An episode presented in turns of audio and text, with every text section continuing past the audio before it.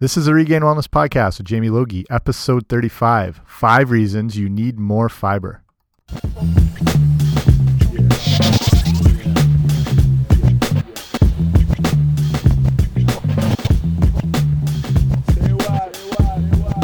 Hey guys, what's happening? Welcome back to the podcast. I'm Jamie Logie. I run regainedwellness.com. This is the Regained Wellness Podcast. So I just want to thank you for joining me today. And to start off, I have a sponsor for this episode of a product I have been using a lot lately called Red Revive.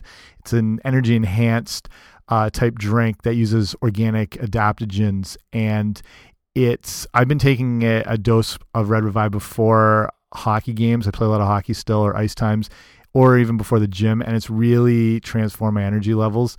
It's a combination of things. It's got natural forms of ginseng, rhodiola, beet extracts, everything. Whatever it is, I feel more energetic from it. I feel a little more focused, a little more powerful through workouts whenever I drink this stuff. So if you want to check it out for yourself, in the show notes today, you can just click on the link uh, called Red Revive and have a look at it. And if if you click through there, you'll get 30% off of Red Revive and you'll start enhancing your own energy. So, everything I'll be talking about today uh, for this episode will be in those show notes I just had mentioned, which you will find by going to regainedwellness.com slash 035. So, any of the resources I mentioned, links, whatever is covered in today's show will be on the site there. So, let's get right into it today. And we're talking about fiber. And fiber is a lot more than just keeping things moving smoothly and keeping yourself regular and all that non awkward stuff that we can talk about here. There's a lot more going on with fiber than you probably realized. So I'm going to start laying out those benefits for you and then uh, the sources where you can find the best forms of fiber. So getting right into it, it's like I said, once considered roughage, fiber is the part of food that cannot be digested or broken down by the body and it passes through the intestines. So there are two types of fiber, soluble and insoluble fiber. So we'll look at soluble fiber first. Soluble fiber is that type of fiber that thickens and dissolves in water and it's been key in lowering things like cholesterol. It's this soluble fiber is made up of pectins and gums that secrete a gel-like consistency to it and that binds to cholesterol and bile acids in the small intestine to help eliminate from the body. So, some of the sources of foods that contain soluble fiber are going to be things like oats, barley, dried beans, sweet potato, broccoli, cacao nibs. I did a whole show on cacao nibs, I'll link up as well. That's got a lot of surprising health benefits to it if you're interested in listening to that. You've also got soluble fiber in things like asparagus, carrot, apple, pear, citrus fruits, berries, bananas, psyllium, flax seeds, chia seeds, which are a very popular form of it. If you've had chia seeds before, or if not, basically when you mix them in water, you can really see that gel like consistency activated and it forms sort of that ring around the uh, chia seeds because they can absorb so much of their weight and water and you can just sort of see that soluble fiber in action if you pour it into into some water so, insoluble fiber is the type of fiber that does not dissolve but absorbs water as it passes through the body, which adds bulk to the stool and that speeds up the whole transit time thing. So, insoluble fiber has always been seen to reduce the risk of colon cancer as it moves toxins and cancer causing compounds through the digestive tract more quickly. Studies are showing that this might not exactly be the case, but including the insoluble fiber in the diet will still provide some health benefits that we'll look at in a second here. So, some of those sources of insoluble fiber more people are familiar with, like wheat bran is pretty common, but it's also in fruits, vegetables, grains, nuts, beans as well. So, here are five of the reasons we want to talk about fiber and the health benefits that it does provide. Number one, helps to combat diabetes. Soluble fiber helps slow the absorption of carbohydrates and therefore can reduce the rise of blood sugar after a meal. And people who consume fiber had a 27% lower risk of developing type 2 diabetes. There's a study that I'll link up in the show notes, but was published in the Archives of Internal Medicine, which followed a group of 15,000 people that were aged 35 to 64 for an average of around seven years. And over the course of this study, 844 of those people developed type 2 diabetes. The results showed that the people who consume more fiber were less likely to develop type 2 diabetes. The second best reason for consuming fiber is heart health. Those who eat a high fiber diet have been shown to have a 40% lower risk of heart disease. And another study here that I will link up again that followed this time 43,000 people aged 40 to 75 who had no incidence of cardiovascular disease.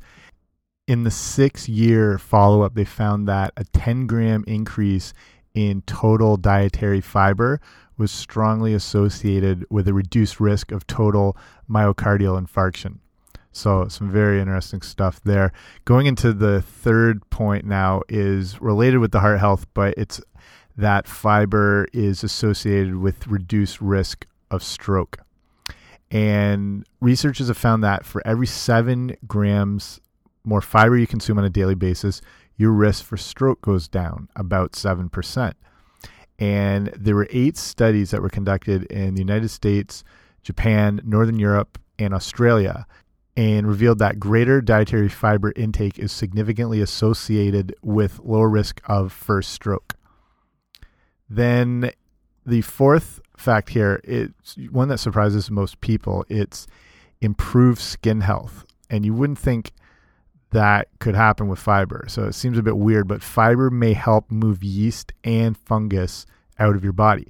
These things can usually be expelled through the skin, causing acne and rashes. So the quicker they are through you, the less likely you may encounter these skin conditions.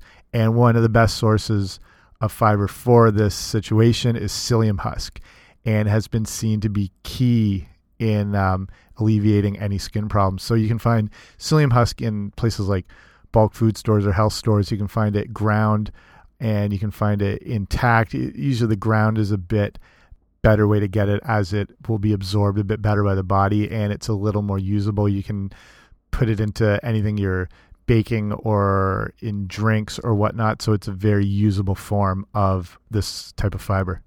Okay, the fifth thing here, which I think interests most people, is that fiber is very key in weight loss and weight management.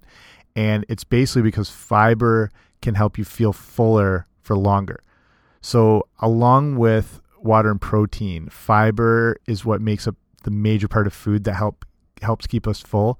We call this satiety or satiation and along with healthy fats as well. But those are the key components water, protein, fiber, and then the healthy fats. This is ideally why you want to focus your diet on real whole foods as they contain those things the water, the protein, the fiber, and the healthy fats.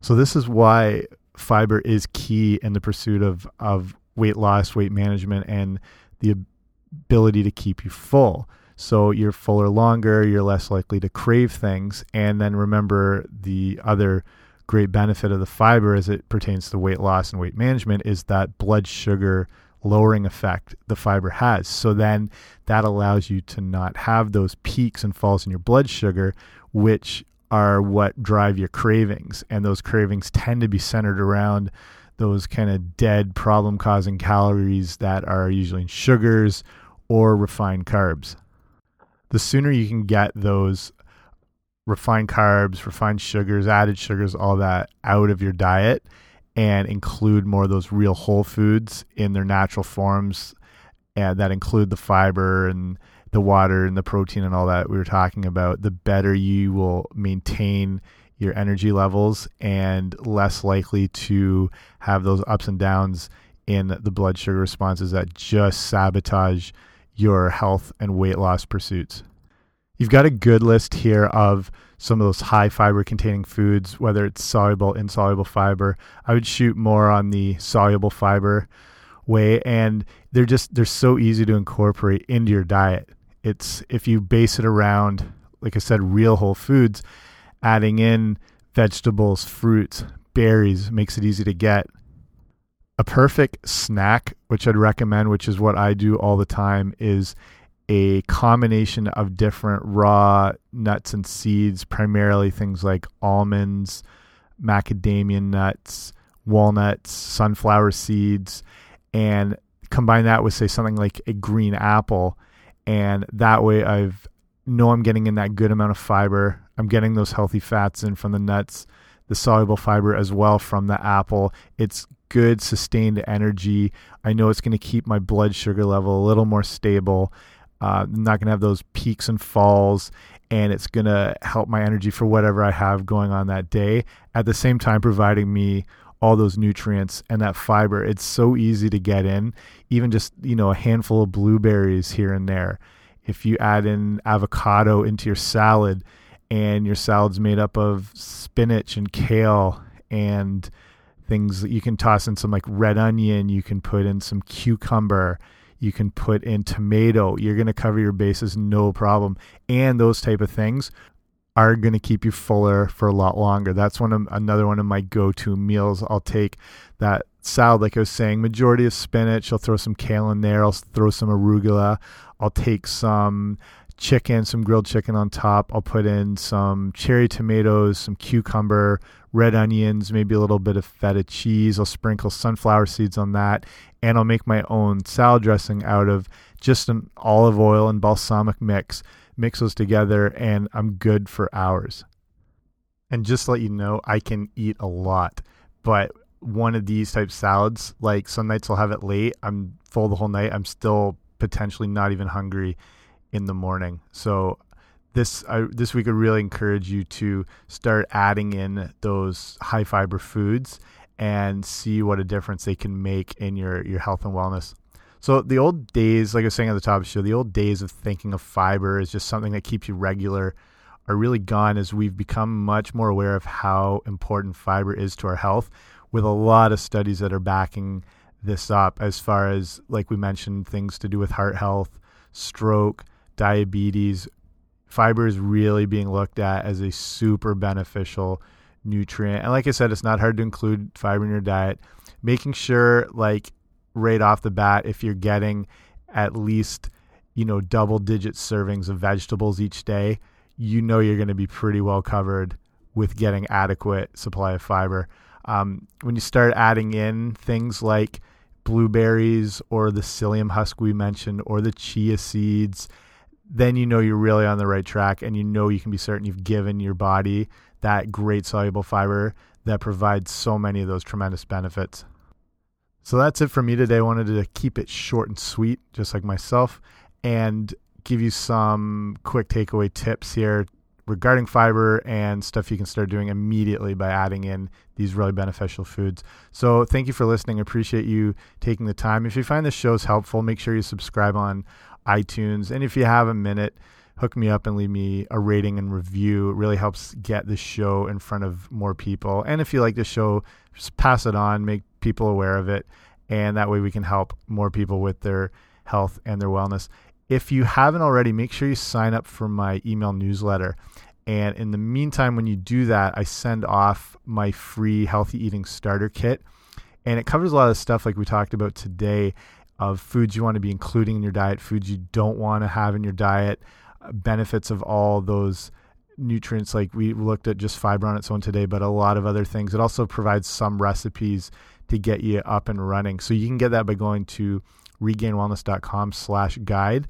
And so it's an ebook that gets sent off to you right away and gets you rocking and rolling. And then i just keep you up to date with other stuff that's going on. There's a lot of good Mm, content that i do through email that i really encourage you to get on board with so I thank you for being with me today. We'll catch you next time. Remember, in the pursuit of your health, your wellness, fitness, everything, it's not always going to be perfect, but it's about the progress, not the perfection. See you next time.